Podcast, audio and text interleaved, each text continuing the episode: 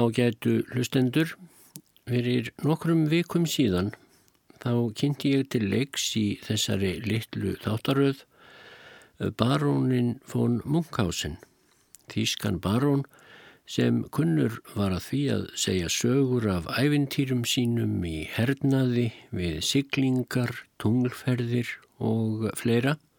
En sögur þessar voru allar þeirra náttúru að þær þóttu helst til íkjukendar og barónin von Munkhausen varð eins konar samnefnari fyrir líga og íkjusögur fyrir nokkrum öldum síðan. En barón þessi var raunar uppi í raun og veru. Hann var þjóðveri og lagðist í hernað til Rúslandsum tíma. En eftir að hann settist í Helgan Stein heima í Þískalandi þá varðan kunnur fyrir sögur af æfintýrum sínum í Rúslandi og víðar, sögum sem voru svo íkjukendar að þær voru skrifaðan niður, reyndar ekki í þökk barónsins sem kunni því illa þegar hann aukvetaði að bókin sem höfð var eftir honum var orðin metsölubók víðast í Evrópu og halgert aðhláturs efni því svo íkjukendar voru sögurnar en hann fekk sem sagt ekki röndið reist og barónin von Munkhausen hefur síðan sem sé verið svo frægur fyrir lígasögur að meira segja sjúkdómsenkenni eru kend við hann.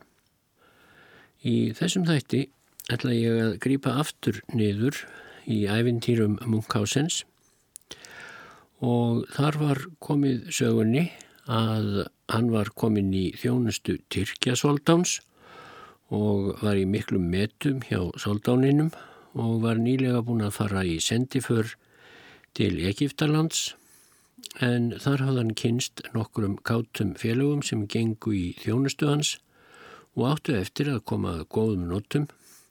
Einn þeirra þjóna var ákaflega sterkur, annar skotmaður svo að afbar, sá þriðji hljópraðar en nokkur annar. En einn var svo fullur af vindi að hann gatt blásið hverju sem var um koll og eh, einn heyrði svo vel að hann heyrði mér að segja grasið vaksa. Og í bókinni sem höfður eftir Munkhausen segir svo. Nú hafði barónin sagt frá ferðum sínum til Egiptalands og bjóst til að taka á sig náðir en þegar áherendurnir sem hann hafði sagt söguna af ferð sinni til Egiptalands heyrðu minnst á kvennabúr Saldánsins þá lifnaði skindilega dvínandi aðtikli þeirra. Þá döður langaði að heyri eitthvað nánar um hið fræga kvennabúr en um slíka hluti vildi barónin ekki tala fyrir nokkra muni. En áheyrendurnir lindi ekki látunum svo hann vildi veita þeim einhverja úrlausn og skemmti þeim með nokkrum frásögnum í viðbót þar sem hinn er óvenjulegu þjónar hans koma mjög við sögu. Baróninum fórust þannig orð. Eftir för mína til Egiptalands hafði Tyrkja Soldán svo mikið dálæti á mér að hans hátegn gati ekki af mér séð og bað mig að matast með sér dag hvern. Ég líti að viðurkenna það, herrar mínir, að Tyrkja Soldán lifir við meiri vellistingar í mat en nokkur þjóðhauðingi annar á þessari jörð. Að vísu á þetta aðeins við um matarréttina en ekki drikki því að Múhameðs trúar menn mega ekki neyta víns eins og þeir sjálfsagt vitið. Því verða Tyrkir að neyta sér um glas af góðu víni í ofnbjörnum veislum en margt gera þeir hins vegar á laun en ekki fyrir allra augum og þrátt fyrir vínbannið þá veita margir Tyrkir ekki síður en bestu þýsku hefðarklerkar hvernig gott vín er á bræðið. Og svo var meira segja raunin um hans háttign Tyrkja Soldán, vinn minn.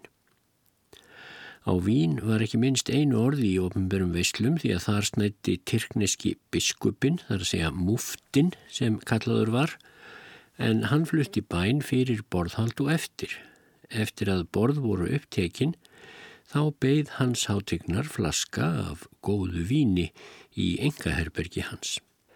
Einsinni gaf Soldán mér leinilega merki um að fylgja sér til herbergja sinna og þegar hann hafði tvílæst hörðinni þá tók hann flösku út úr skáp og mælti Munkhásen minn, vel veit ég að þið kristnir menn kunnið að meta gott vín. Hér á ég eftir eina flösku af svo góðu tókæ víni að ég er sannfærður um að þér hafið aldrei á æfiðar fengið nokkurt vín betra. Að svo mæltu heldi hans hátign í glösin og skálaði við mig. Jæja, hvað líst yður? spurðan svo. Frábært er það ekki. Vínið er gott, yðarhágauki, svaraði ég, en með yðar leifi að segja, þá hef ég satt að segja drukkið miklu betra tóka í vín í Vínarborg hjá vini mínum Karli heitnum keisara sjötta. Það vín þyrtu þér sveimir þá að prófa. Munkhausen, vinnur minn, sagði Tyrkja Soltán, með fullri virðingu fyrir orðum yðar er óhugsandi að nokkurt tóka í vín sé betra en þetta. Því að þessa einu flösku gaf mér ungverskur rittari sem virtist döð sjá eftir henni.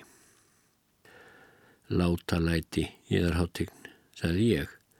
Tóka í vín og tóka í vín er tvent ólíkt og ungverjar eru aðsjálir. Ég þórað veðja að innan klukkustundar skal ég útvega yfir miklu betra tókævín beint úr vinkjallara keisarahyrðarinnar í Vínarborg.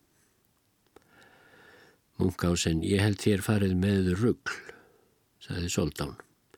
Ég ruggla ekki neitt, saði ég, innan klukkustundar skal ég útvega yfir beint úr vinkjallara keisarahyrðarinnar í Vínarborg eina flösku af tókævíni sem á ekkert sameinlegt með þessu gulli yðar nema nafnið eitt. Munkásen, Munkásen, sagði Soldán, þér hendið gaman að mér og ég byggðist undan slíku. Reyndar þekki ég yður aðeins að góðu einu, en nú er mér skapinast að halda að þér farið með staðleysur. Nú já, já, yðar hafgauki, sagði ég, látum reynslun að skera úr því. Standi ég ekki við orð mín, skal yðar hafgauki láta höggva af mér hausinn því ég hef andstigð á allu raupi og íkjum eins og þér vitið. Og höfuð mitt er ekkert leikvang, hversu mikið bjóðu þér á móti.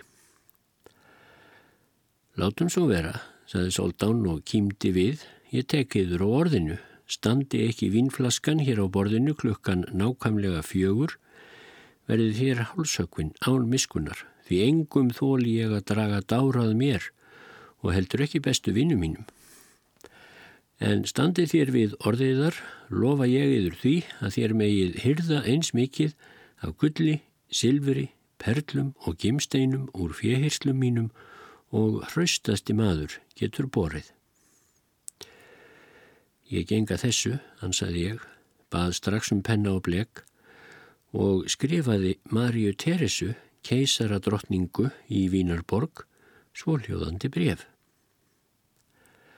sem enga erfingi föður yðar sáluga hefur yðar háttíkn vafalvist einnig erft uh, eh, vinkjallara hans. Mætti ég nú byggja yður að senda mér um hæl með erindreka mínum eina flösku af því tókævíni sem við fadriðar vorum vanir að drekka saman. En aðeins það allra besta því veðmál er í húfi. Ég skal gjarnan gera yður greiða í staðin þegar svo ber undir yðar barón Munkhausen. Nú var klukkan þegar fimm mínútur gengin í fjögur svo ég fekk hlaupara mínum brefið opið. Hann tók lóðinn af fótum sér en lóð hafðan á fótunum til að halda aftur af sér svo hann ætti ekki sífælt allt og hratt um götur. Hann lagði nú tafarlöst af stað til Vínarborgar.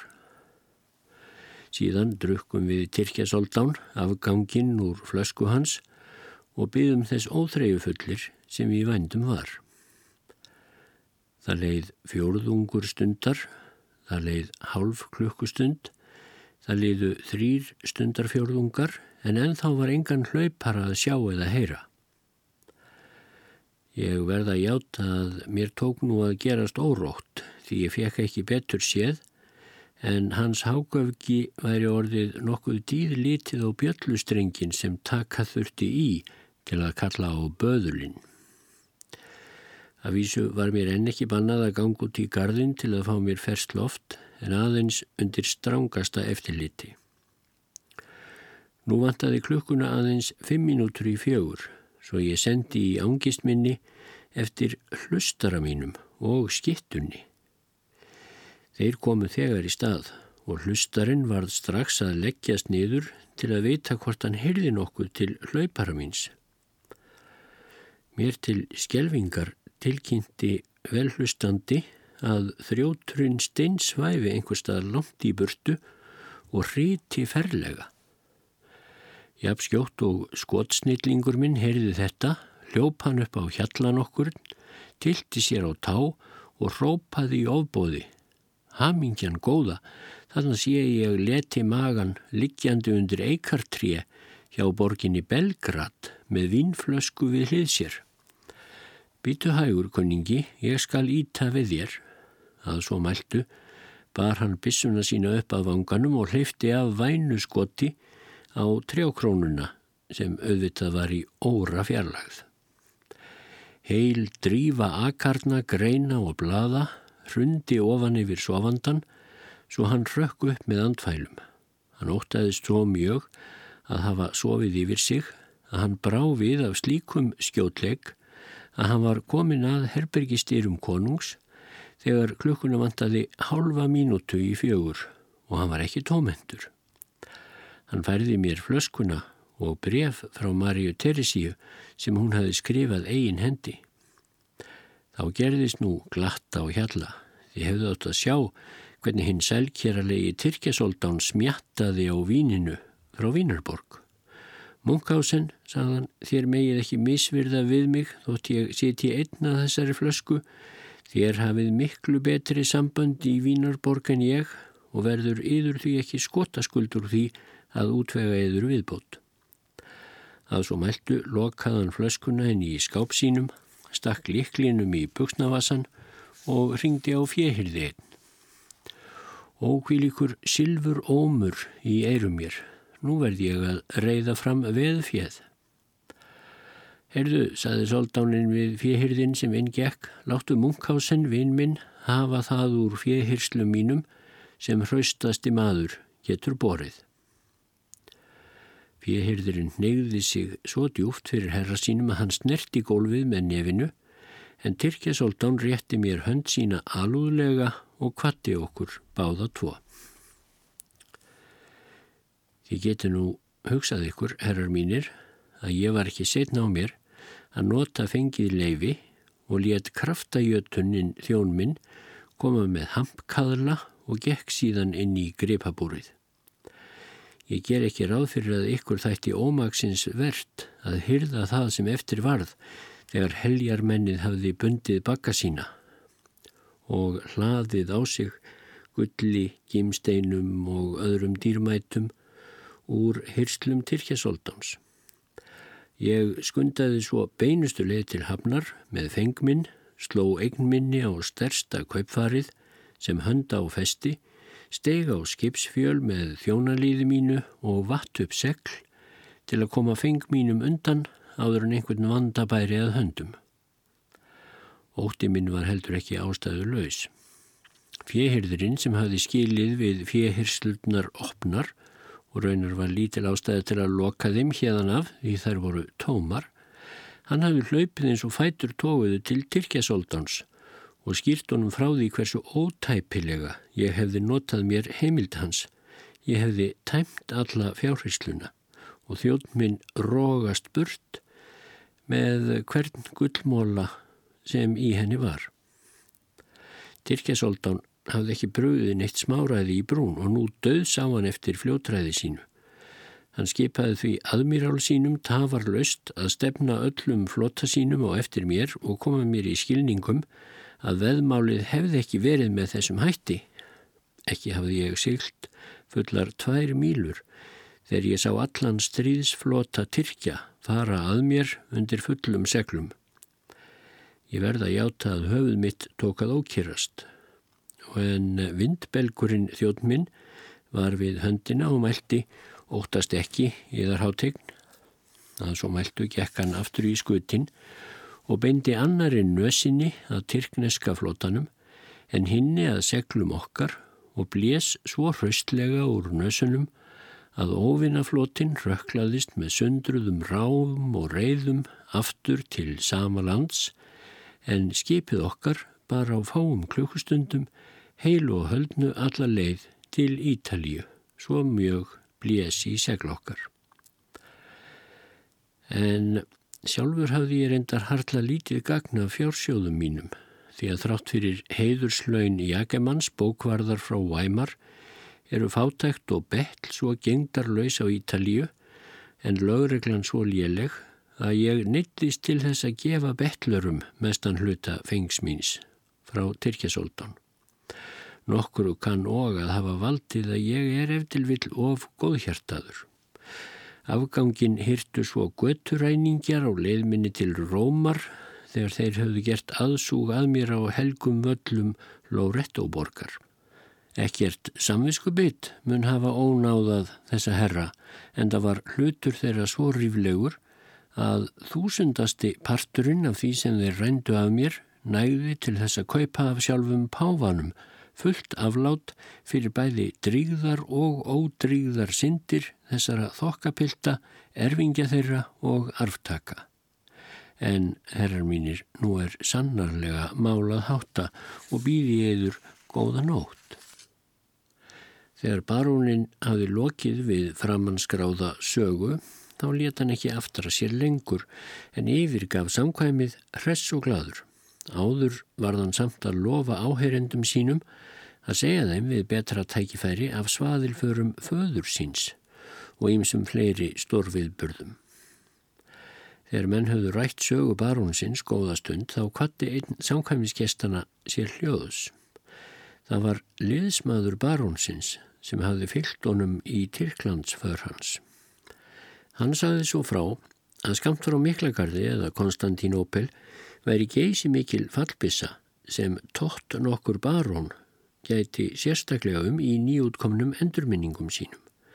Að því er ég best mann var saga hans á þessa leið. Tyrkir hafðu komið fyrir geysistóri fallbissu á fljótsbakka sem er skamt frá borginni, handan Kastalans. Öll var fallbissan rend úr kopar og hlaðin marmara kúlu sem vófull 1100 pund. Mig fýsti mjög, segir Tott Barón í endurminningum sínum, að skjóta af bissunni svo ég geti sjálfur dæmt réttilega um gæði hennar. Allir umhverfis mig skulfu og nötruðu af óta því að þeir þóttust þess fullvissir að borgin myndi hrinja til grunna við aðeins eitt skot úr þessari stóru bissu. En loks rénaði óttin lítið eitt og ég fekk leifi til að hleypa af bissunni. Það þurfti 330 pund af púðri og kúlan vó 1100 pund eins og ég sagði á þann en þegar stórskotaliðin bar að tundrið þá hörfaði mannþyrpingin eins og hægt var. Ég átti fullt í fangi með að sannfæra landstjóran sem kom á vettvang fullur kvíða að hér væri engin hætta á ferðum. Hjartað barðist meira segja í brjósti stórskotaliðans sem átti að skjóta eftir minni fyrirsögn. Ég tók mér stöðu við virkisvegin aftan við fallpissuna, gaf merkið um að skjóta og fann jörðina nötra undir fótum mér. Í 300 faðma fjarlagð sprakk kúlan í þrend. Brottin þeittust út á sundið, endur kostuðust frá vatninu upp í fjálslíðarnar og hverfðu öllu sundinu í einn brimgarð. Að því er ég best mann, herrar mínir, þá er þetta lýsing Tott Baróns á stærstu fallpissu í heimi. Þegar við Munkhásin Barón komum á þessar slóðir þá sagðum enn okkur að Tott Barón hefði sínt það fádæma hugrekki að skjóta af þessari feiknalegu fallpissu.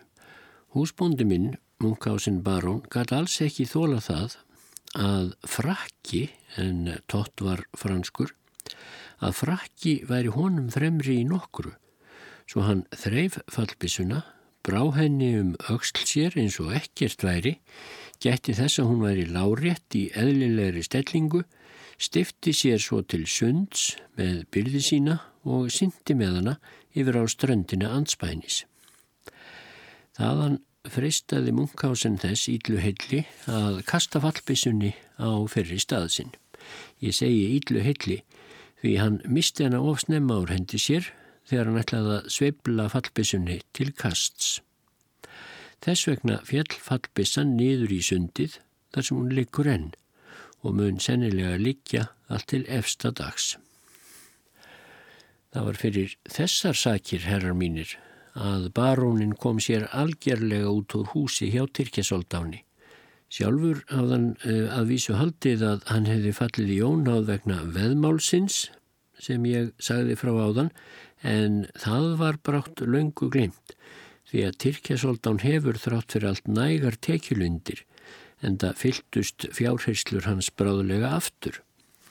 Auk þess var barónin elmitt núna stattur í Tyrklandi í endur nýjuðu bóði Tyrkja Soldánsins og væri þar sennilega enn ef missir þessarar alræmdu fallbissu hefði ekki gert hinn grimlinda Soldáns og reyðan að hann gaf út óafturkallanlega skipun um að láta hálshögva barón Munkhausen.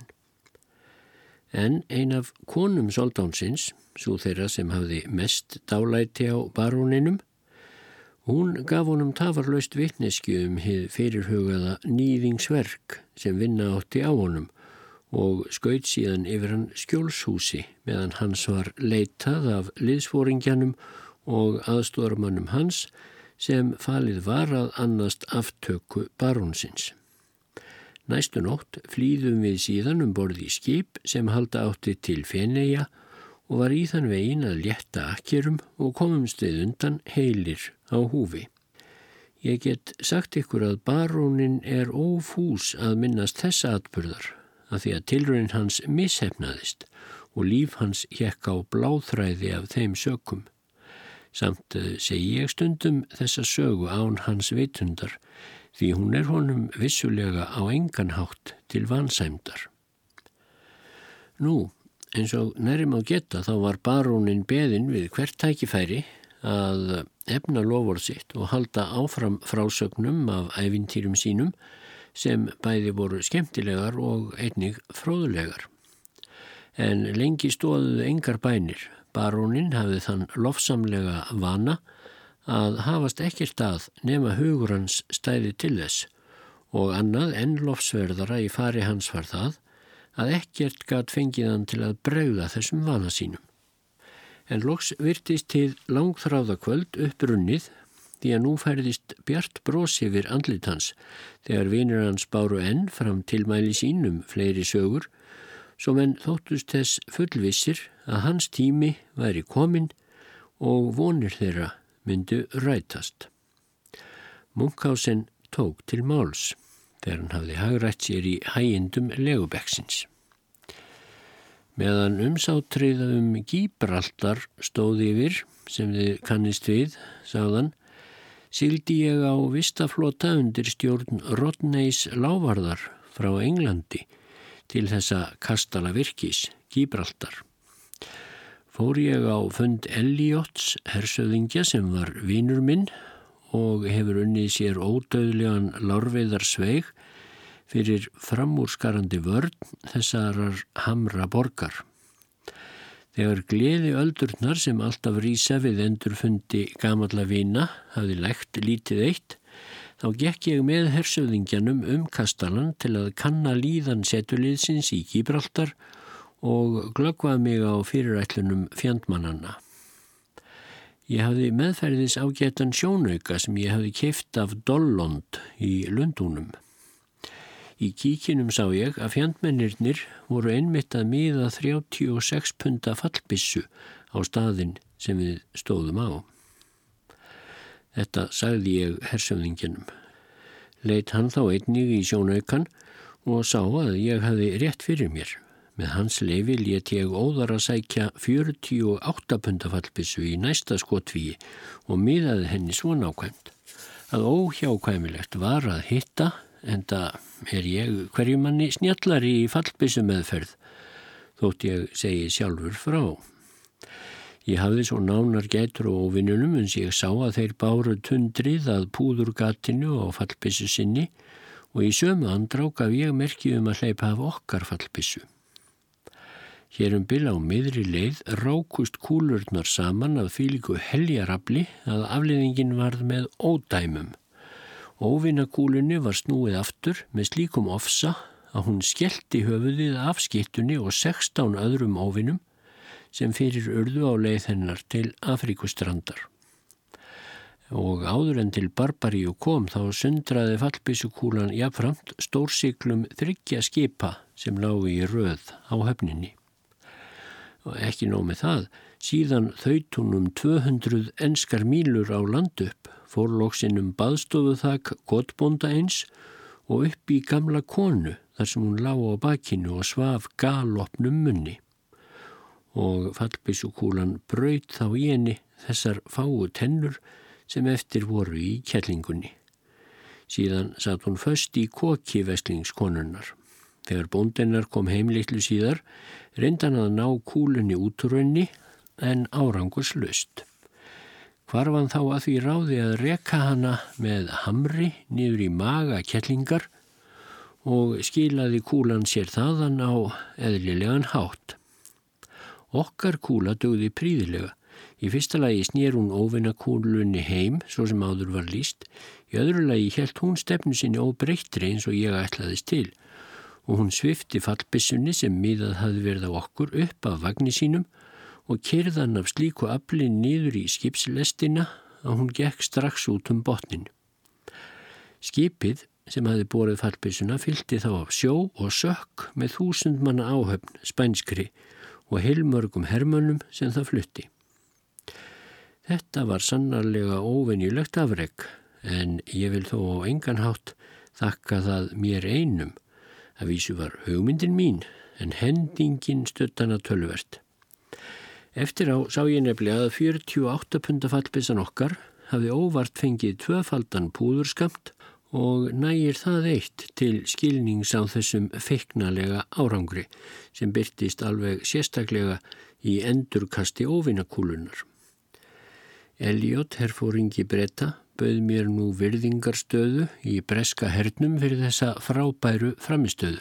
Ég afþakkaði gott bóð og let mér næja þakklætis orð hans sem hann flutti mér í veistlu strax um kvöldið af virðuleik og háttvísi að viðstöttum öllum virðingarmönnum setuliðs bretta á Gíbraldar. Ég hef satt að segja tekið sérstöku ástfóstri við englendinga af því þeir eru tvímæralaust framúrskarandi hugprúð þjóð svo ég tók þá ákvörðun að yfirgefa ekki kastalan fyrir en ég hafði gert þeim nýjan greiða. Um það byrð þremur vikum síðar böðist mér gott tækifæri Ég dulbjóst þá sem katholskur klerkur, lættist klukkan eitt eftir miðnætti út úr kastalanum, slapp fram hjá varðmannunum og inn í herbúðir fjandmannana. Ég gekk inn í tjald Artúrs greifa þar sem hann sata á ráðstefnu með yfirmanni hersins og ymsum herfóringum spánverja öðrum. Kom þeim saman um að taka kastalan með áhlaupi að mótni næsta dags. Dullarklæðin vernduði mig, engin amaðist við mér og óhindraður fekk ég að heyra hvað á segði var. Lóks tókum en á sig náðir og vonbráðar sváfu menn um herbúðirnar þverar og endi langar og varðmennirnir meira að líka. Ég tók nú til óspiltra málana, þreif allar fallbissur þeirra yfir 300 talsins, 24 til 48 punta ofan af vagnunum og þeitti þeim öllum þrjár mýlur á hafút.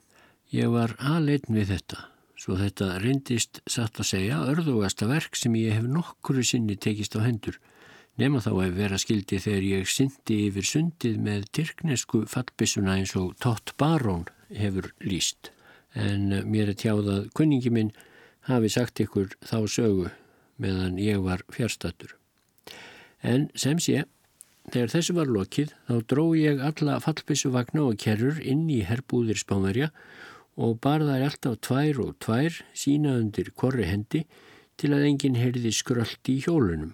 Það var nú enginn smáraðis haugur satt að segja á hæð við Gíbraltar hamra sjálfa, að minnstakosti.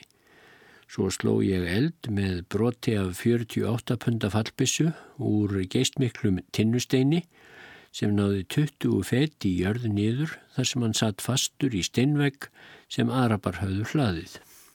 Svo kveikti ég á kindli og bar eld að allir í hrúinni. En mér glemtist að segja ykkur að ég hefði áður kastað öllum byrðavögnum spánverja ofan á haugin. Ég var svo hygginn að setja það eldfímasta neðst svo að allur kösturinn stóð brátt í björtubáli eftir andartak. Til að forðast allan grun var ég einn af þeim fyrstu sem gerðu aðvart um eldin. Menn stóðu sem þrumu losnir í herbúðunum og álíktuðu allir sem einn að vörðunum hefði verið mútað og sjö eða átta herrfylgjum úr kastalanum falið að vinna þessi hryllilugu skemdarverk í stórskótaliðinu. Því auðvitað kvartlaði ekki að nokkru manni að þarna hefði aðeins einn maður verið að verki. Í sögusinni um þetta fræga umsátur um Gíberaldar getur höfundurinn Drinkwater um geysilegt tjón sem ofinnirnir hafi orðið fyrir vegna bruna í herbúðum sínum en hann kann enga ástæðu fram að færa fyrir þeim bruna og þess var heldur engin von því ég trúði engum manni fyrir þessu og ég bjargaði einn Gíberaldar á þessari nóttu og ég sagði ekki einu sinni Eliot Hersöðingja frá þessu. Artúr Greifi, yfir maður spænska umsátursliðsins og allir hans menn tóku til fótana í skjelvingu og lind ekki sprettinum fyrir þeir komu til Parísar að 14 dögum liðnum og svo hrættir voru þeir eftir eldsvoðan að þeir máttu einskís neyta í þrjá mánuði eftir eldsvoðan og eruðu því að lifa á loftinu einu eins og kamiljón. En dag nokkur satt ég að morgunverði með Elliot Hersöðingja, vini mínum. Þetta var hér um byrj tveimur mánuðum eftir ég frelsaði hann og lið hans úr umsáttinni um Gibraltar. Allt í einu flög sprengja því mér vannst ekki tími til að senda sprengjuvörpur óvinnana sömuleið og fallbissur þeirra Allt í einu flög sem sagt sprengja inn í stofuna og skall niður á borðið. Herr Söðingin flúði á augabræði út úr herberginu eins og flestir myndu hafa gert en ég, ég greip sprengjuna áður en hún sprakk og bar hann át á háhamarinn í Gíbraldar. Þaðan sá ég allmart manna saman komið á bæn við ströndina skamt frá óvinnaherbúðunum en með berum augum gæti ég ekki greint hvað þeir höfðu stað. Ég tók því sjónauka minn og sá að tveir fóringja okkar, annar hersöðingi og hinn ofursti, höfðu fallið í hendur ofinnana og voru einmitt á leið í gálgan á þessu andartaki. Kvöldið áður sátu þessir menn báðir með mér að sumpli en um miðinætti lættust þeir í njóstnarför yfir í herbúðir spánverja. Fjarlægðin var nú svo mikil að ég gæti ekki kastað sprengjunni fríhendis. Til allarar hamingju myndi ég eftir því að ég var með slönguna í vasanum þá sem Davíð notaði gegn risanum Góliat við ágætan árangur eins og flestir muna. Ekki hýrði ég um að segja ykkur frá því hvernig ég hafði komið höndum yfir þessa slöngu en ég brá henni nú um sprengjuna og slöngvaði sprengjunni síðan samstundis inn í hópin miðjan. Sprengjan sprakk um leið og hún kom niður og drap alla veðstata nema ennsku herfóringjana tvo sem rétt áður höfðu verið festir upp á gálgan og var þeim það til lífs því að sprengjubrót lendi í gálganum neðanverðum svo hann fjall við. Strax og vinir okkar höfðu fast land undir fótum svipuðust þeir um eftir ástæðunni fyrir þessum óvænta atbyrði. Þegar þeir sáu að verðir, böðlar og aðrir viðstattir höfðu tekið upp á því að verða fyrir til að láta lífið, þá leistu þeir nú böndin hvora vöðrum, hlöpu til strandar, stukku upp í spænskan bát og neittu áhöfnina, tvo skipferja, til að róa með það út í eitt skip okkar. Fáum mínutum setna bar þá þar að sem ég var að segja Elliot Hersöðingja frá þessum viðburði og eftir gangkvæmar frásagnir og heilaóskir slóum við upp miklu öll teiti til að minnast þessa förðulega dags. en það segir sig sjálft að ég hafi kastað sprengjunni akkurat þannig að þessir tveir englendingar myndu lifa af þegar hún sprakk en allir aðrir farast. En ég sé það nú á augnaráð ykkar að þið óskið allir að, eftir því að fregna hvernig ég komst yfir slönguna frægu sem ég myndist af áðan. Jæja þá, ég skal segja ykkur frá því. Málið er þannig vaksið sem nú skal greina. Ég er, skuliði vita, komin út af konu Úrija í biblíunni en Davíð konungur Ísraelsmann átti vingott við konu Úrija eins og allir vita sem þekkja sína biblíu en þegar stundur liðu þá tók að fækka eins og oft vil verða með hans hátign og greifafrúni. En semdar nafnbótina greifafrú hafði formóðir vor hlotið á fyrsta ársfjörðungi eftir lát mannsins. Einu sinni deildu þau um mjög mikilvægt atriði sem sé staðin þar sem örkin hans Nóa var smíðuð á og hvar hún hefði lend eftir syndaflóðið. Forfaður minn vildi láta telja sig mikinn fordlegafræðing og greifafrúin var fórsetti í sakfræðingafélagi. Ög þess hafði hann þann veikleika margara stórmenna og flestara lítilmenna að hann þóldi engin andmæli og hún hafði líka sama galla og kynsistur hennar sem æfinlega þykjast hafa á réttu að standa. Í stuttumáli sagt af þessum sökum slittnaði upp úr vinnfengi þeirra. Greifafrúin hafði oft heyrt talað um kvílikur kjörgripur áður nefnd slöngvaværi svo að henni þóknaðist að taka hana með sér, sennilega sem minjagrip þegar upp úr vináttu þeirra slitnaði. En slöngvunar var nú brátt saknað og áður en greifafrúin kemist út fyrir landamærin hafðu sex menn úr lífverði konungs veittinni eftirför en hún handli ekki þá slönguna af slíkri fimi að hún hefði eitt þeirra sem eftirföruna veitti einmitt á þann stað sem ennst hafði góliat til bana. Þessi maður hefur líklega viljað auka hróður sinn með þjónustulund sinni því hann var góðan spöla undan hinum. Þegar félagar hann sá hann falla döiðan niður þá töldu þeir að vel aðtuguðu máli réttast að tilkynna heið nýja viðhorf á réttum stað í stað þess að halda eftirförinni áfram. En greifafrúin tók það ráð að halda áfram försinni á hestum til Egiptalands en þar átt hún mikilsvirta vini við hyrðina. Ég hef þótt að segja ykkur frá því að af mörgum börnum sem hans háttign hafið þóknast að geta við henni tók hún aðeins með sér eftirlætis sonin í ferðina. Í hinnu frjósama Egiptalandi egnaðist þessi sonur nokkur sískinni í viðbót svo að greifafrúin létt setja sérstakka grein í erðaskrá sína þar sem hún arfleiti piltin að hinni frægu slöngvu. Frá þessum manni hefur slöngvan gengið til mín í beinan kartlegg að heita má. Langa langafi minn, einn af fyrri eigandum slöngunnar, var uppi fyrir um það byrju 250 árum Á ferðsinu um England kynntist hann skáldi sem að vísu var engin rítþjófur en þeimun meiri veiði þjófur. Hann hétt William Shakespeare. Úr verkum þessa skálds fremja englendingar og þjóðverjar hinn viðbjóðslegasta rítstuld ef til vill í hemdarskinni.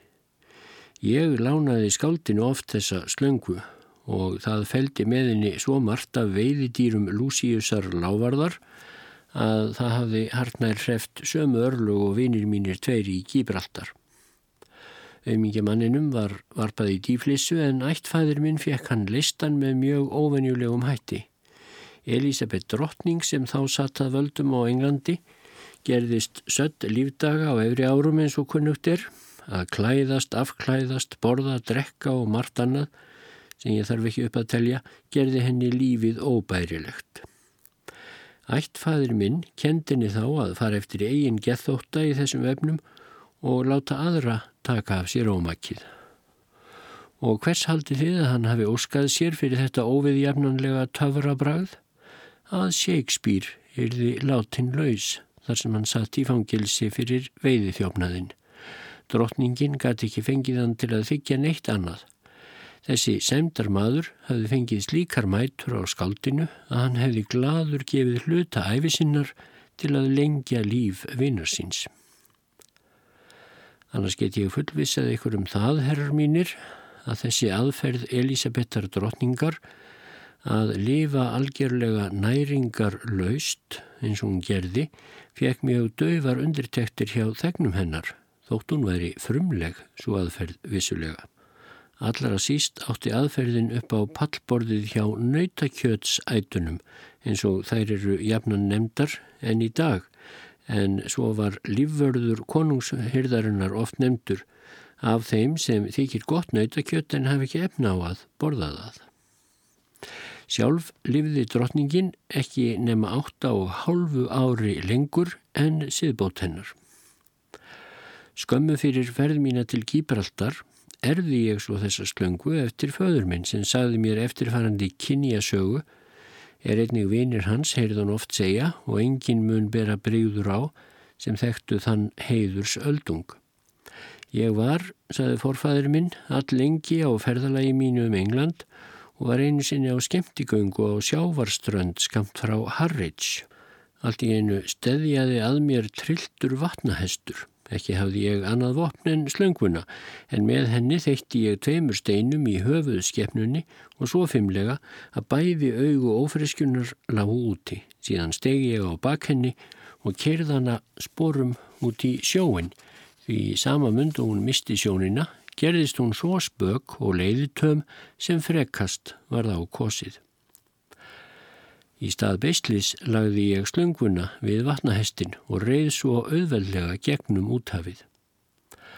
Á tæpum þremur klukkustundum komum við að ströndin í hinum eigin en það er þó vegalengt sem er um það byrj 30 sjómílur. Í helvetslús seldi ég hann fyrir 700 dúkata þennan hest. Kaupandin var gestgjafinn í kráni byggararnir þrýr sem síndi þessa sjálfséðu skeppnu, almenningi og hafi ærin skilding upp úr því. Þótt ferð mín væri hinn förðulegasta, helt fadur mín áfram, voru aðtuganir mínar og uppgötfanir sem ég gerði á þessari ferðminni um hafið en miklu einstæðari. Skeppnan sem ég reið syndi ekki heldur hljópun með óurlegum hraða eftir sjávarbotninum og raka undan sér miljónir fiska sem margir hverjir voru ger ólíkir þeim sem við eigum að venjast. Sumir voru með hausin á bólnum miðjum, aðrir ist á sporðinum.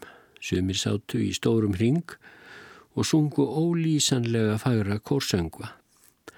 Aðrir reistu úr tómu vatni, dýrustu hallir, girtar geysi miklum súlum, en um þær bragaði í þægilegum litum og hrífandi bylgjurhefingum eitthvert efni sem að minni hyggju var hinn skýrasti eldur.